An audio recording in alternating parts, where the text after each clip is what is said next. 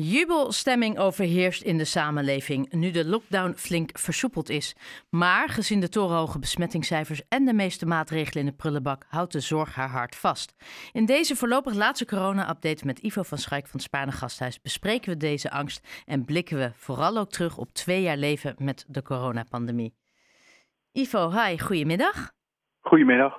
Um, nou ja, ik zei het al, hè, de laatste, de, de, voor nu de laatste wekelijkse corona-update. Uh, uh, laat ik bovenal uh, vooropstellen dat als er vragen zijn, dan, weet ik, dan weet ik u te vinden. En vice versa. En zal, en zal ik er zijn. Nou, nou kijk, hè, dat, is, dat is al gelijk de mooiste afsluiting. Ehm, maar ik zei het net al, hè, de coronamaatregelen zijn flink versoepeld. Quarantaineplicht is aangepast. Horeca en cultuursector weer open. Tot 10 uur tegen het advies van het OMT in. Zien jullie uh, nu al de gevolgen van de versoepelingen terug in het ziekenhuis? Nee, dat, dat zou ook niet kunnen. Uh, nee, twee we weken. We weten dat we natuurlijk, uh, dat leidt ongetwijfeld tot nog meer besmettingen, maar er zijn er al natuurlijk heel erg veel.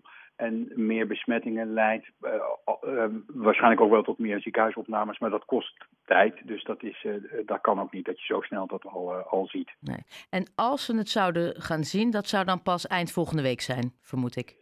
Ja, zoiets. Dus na een week of twee. Um, het punt is ook, hè, de, de, relatie tussen het aantal besmettingen en de ziekenhuisopnames, uh, die, daar kun je niet varen op, op het verleden, want dat was echt heel anders.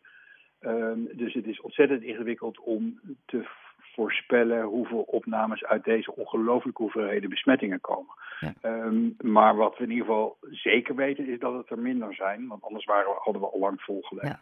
Ja, want ergens uh, zeggen mensen ook dat die Omicron, Omicron variant een goed beeld geeft uh, voor de toekomst. Met betrekking tot het leven met corona. Niet volledig, maar wel een idee. Ja, dus wat, waar het in ieder geval één op lijkt, is dat, uh, dat, uh, dat je er veel minder ernstig ziek van wordt en minder ziekenhuisopnames dus hebt. Het is nog, nog wel steeds, want er zijn mensen met Omicron die nog steeds ernstig ziek worden en ziekenhuisopnames nodig hebben. Dus in die zin ehm, is het nog steeds wel een ernstige aandoening. Ehm, maar het, gaat, het lijkt zich dus langzaam dat het iets meer gaat gedragen zoals de griep is. Ja, nou was er op het nieuws te zien, we weten natuurlijk dat, nog, dat, dat er veel mensen onder de 30 ook uh, goed ziek van werden of in het ziekenhuis belanden. Waar, waar was dat dan terug te relateren? Nou, het is eigenlijk heel dat is interessant, maar als je dus we zien natuurlijk die hele hoge besmettingscijfers. En als je dan één tandje dieper kijkt, dan zie je eigenlijk dat de, de 60-plussers, daar zie je die besmettingsgolf helemaal niet in. Die hebben gewoon een besmettingsgraad die loopt gewoon ongeveer verticaal horizontaal door. Daar zit helemaal geen stijging in. Kijk je naar wat zijn de groepen, dan waren het uh, tot um, zeg maar anderhalf week geleden waren het de 20 tot 29-jarigen, waar echt torenhoge besmettingen in uh, voorkwamen. En nu zie je dat die stuivertje gewisseld hebben met de leeftijdsgroep 10 tot 19-jarigen. Daar zitten nu echt ongelooflijk veel besmettingen in die leeftijdsgroep.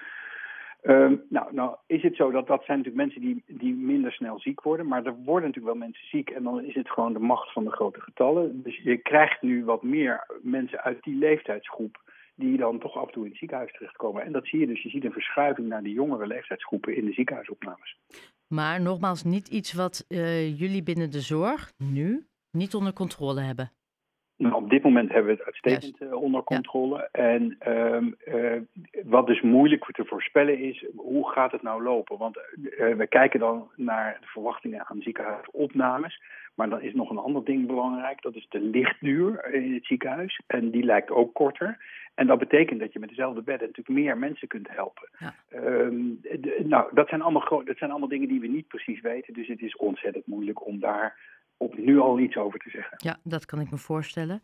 Um, nou ja, voor nu, nou ja, de, de situatie nu staat het er goed voor bij jullie in de ziekenhuizen, eigenlijk in alle ziekenhuizen. Een, een mooie reden om het inderdaad zo af te ronden. Maar inmiddels zijn we wel al bijna twee jaar bezig met de met het coronavirus, met de pandemie. Hoe kijkt u terug op ja, twee jaar corona? Ja, als een hele intense en turbulente periode. En ik, ik denk ook dat we een, een lesje nederigheid hebben geleerd uh, van dat virus. Uh, dat we, uh, de boel is toch niet altijd even maakbaar als we zouden willen. En infectieziektes zijn gewoon nog steeds gevaarlijk, ook anno 2022. En ehm, ja, en dat wij als Nederland heel veel moeite hebben om ja, flexibel en snel in te spelen op een crisis en om dat goed te doen. Dat is één. En twee, denk ik dat we ook vanuit die zorg veel geleerd hebben over, ja, hebben we die acute zorg nou echt wel goed georganiseerd in Nederland? En, en kunnen we dit nu zonder dat we daar dan de hele tijd die reguliere zorg moeten, moeten opschalen? Dus ik kijk ook terug hè, op, op, op een paar hele bijzondere jaren, waar, twee hele bijzondere jaren waarin we heel veel geleerd hebben. Ik ongelooflijk trots ben natuurlijk op hoe we zijn blijven, overeind zijn blijven staan en die zorg zo goed en kwaad als het ging in de lucht hebben weten te houden. En, ehm, en realiseer me ook uh, dat, we, dat er veel huiswerk uh, te maken is. Wat, wat denkt u dat, als u het heeft over huiswerk, wat is, het, wat is eigenlijk de grootste, dan, nou ja, wat staat dan bovenaan de huiswerklijst, de to-do-list? Wat mij betreft staat er bovenaan dat we, dat we heel goed gaan kijken is hoe gaan we, dat in het regeerakkoord heet dat geloof ik pandemische gereedheid of zo geloof ik, maar hoe kunnen we nou dit soort ziektegolven beter opvangen zonder dat je allerlei andere zorg uh, uh, tekort doet. En ik denk dat dat, dat is een, het grote vraagstuk, denk ik, waar we, wat we met elkaar te beantwoorden hebben. Ja. hebben we, nou ja, u zei het net al, hè? Nederland was hier niet klaar voor. Hebben we überhaupt de, de, de, de kans van zo'n grote pandemie überhaupt ooit onderschat? Of volledig gewoon niet eens meer rekening mee gehouden? Nou, dat laatste denk ik. Hè. En er is een interessante TED-talk uh, van, uh, van vijf of zes jaar geleden van, uh, van Bill Gates, die, die ja. ons waarschuwt voor dit. En, en iedereen leefde gewoon door. En dus we, we wist, eigenlijk wist iedereen dat dit een keer zo moest komen en niemand wist wanneer. En dan komt het en dan eigenlijk ben je er niet op voorbereid. En misschien kun je er ook niet op voorbereid zijn. Misschien is dat ook een conclusie. Ja, maar jullie nemen het zekere voor het onzekere. Jullie gaan een speciale afdeling inrichten. Ja, dus wat we, wat we gaan doen is, uh, uh, omdat we nu, we, één ding weten we zeker, hè, dus er is een jubelstemming en iedereen denkt, nou, het einde is in zicht, maar pas op, hè, dat einde, corona is niet weg, corona is wereldwijd helemaal niet weg. Dus er is een hele grote kans dat in de herfst corona misschien een andere variant weer de kop opsteekt. En dat komt dan eventueel samen weer met griep. We hebben nu twee jaar geen griep gehad, dus de kans dat er een hele grote griepgolf aankomt is groot. En er is dus een hele grote kans dat we, en dat heet dan het endemische worden van dat virus, dat we gewoon jaarlijks in de herfst en de winter een golf krijgen van corona en griep. En daarvoor moet je dus, vind ik als ziekenhuis dan voorbereid zijn, dat je daar gewoon een afdeling voor inricht. En het ingewikkelde van het inrichten van die afdeling is van hoe doe je dat uh, met een afdeling die je eigenlijk maar van de herfst tot nou ja, in het voorjaar nodig hebt en eigenlijk in de zomer niet.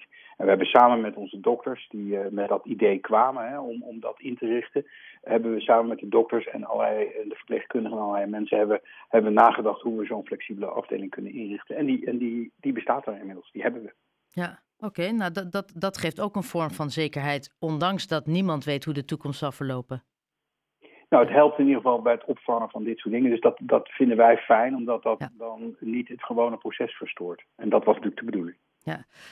Um, nou ja, versoepelingen of niet, we zijn er uh, nog niet. Uh, hoe kijkt u naar de toekomst? Ja, ik ben een optimistisch mens. Nee, ik, ik, dus ik denk, ja, uh, volgens mij hebben we met, met, de, met deze fase hebben we wel een hele belangrijke fase gaan we afsluiten. En ik hoop dat iedereen zich realiseert dat we er niet zijn en dat we ook niet alle basismaatregelen meteen moeten loslaten, maar dat we dan wel uh, uh, daadwerkelijk weer een wat normale leven kunnen gaan leiden. En dat wij iedereen even kan uitrusten. En dat we weer in staat zijn om die gewone zorg in te gaan halen. En hopelijk dan in de, in de winter, in de herfst-winter, klaarstaan om, om een redelijke golf op te vangen die er dan geheid gaat komen. dus ik, ik ben eigenlijk positief gestemd uh, zoals het nu gaat. Ik maak me wel heel veel zorgen op dit moment. En dat gaat natuurlijk echt over uh, uh, ja, het, ook het ziek worden van de medewerkers. Ja. Zoals dat overal is. Hè. Dat, ja. bedoel, in alle sectoren zie je dat ziekteverzuim toenemen vanwege positieve coronatesten of echt het hebben van corona. Amsterdam, ja, dat, 1 dat, op de 20 is besmet. Nou, hoeveel ja. sectoren worden er dan niet? Uh, dat, volgens mij heb je daar gewoon niemand meer achter de kassa's.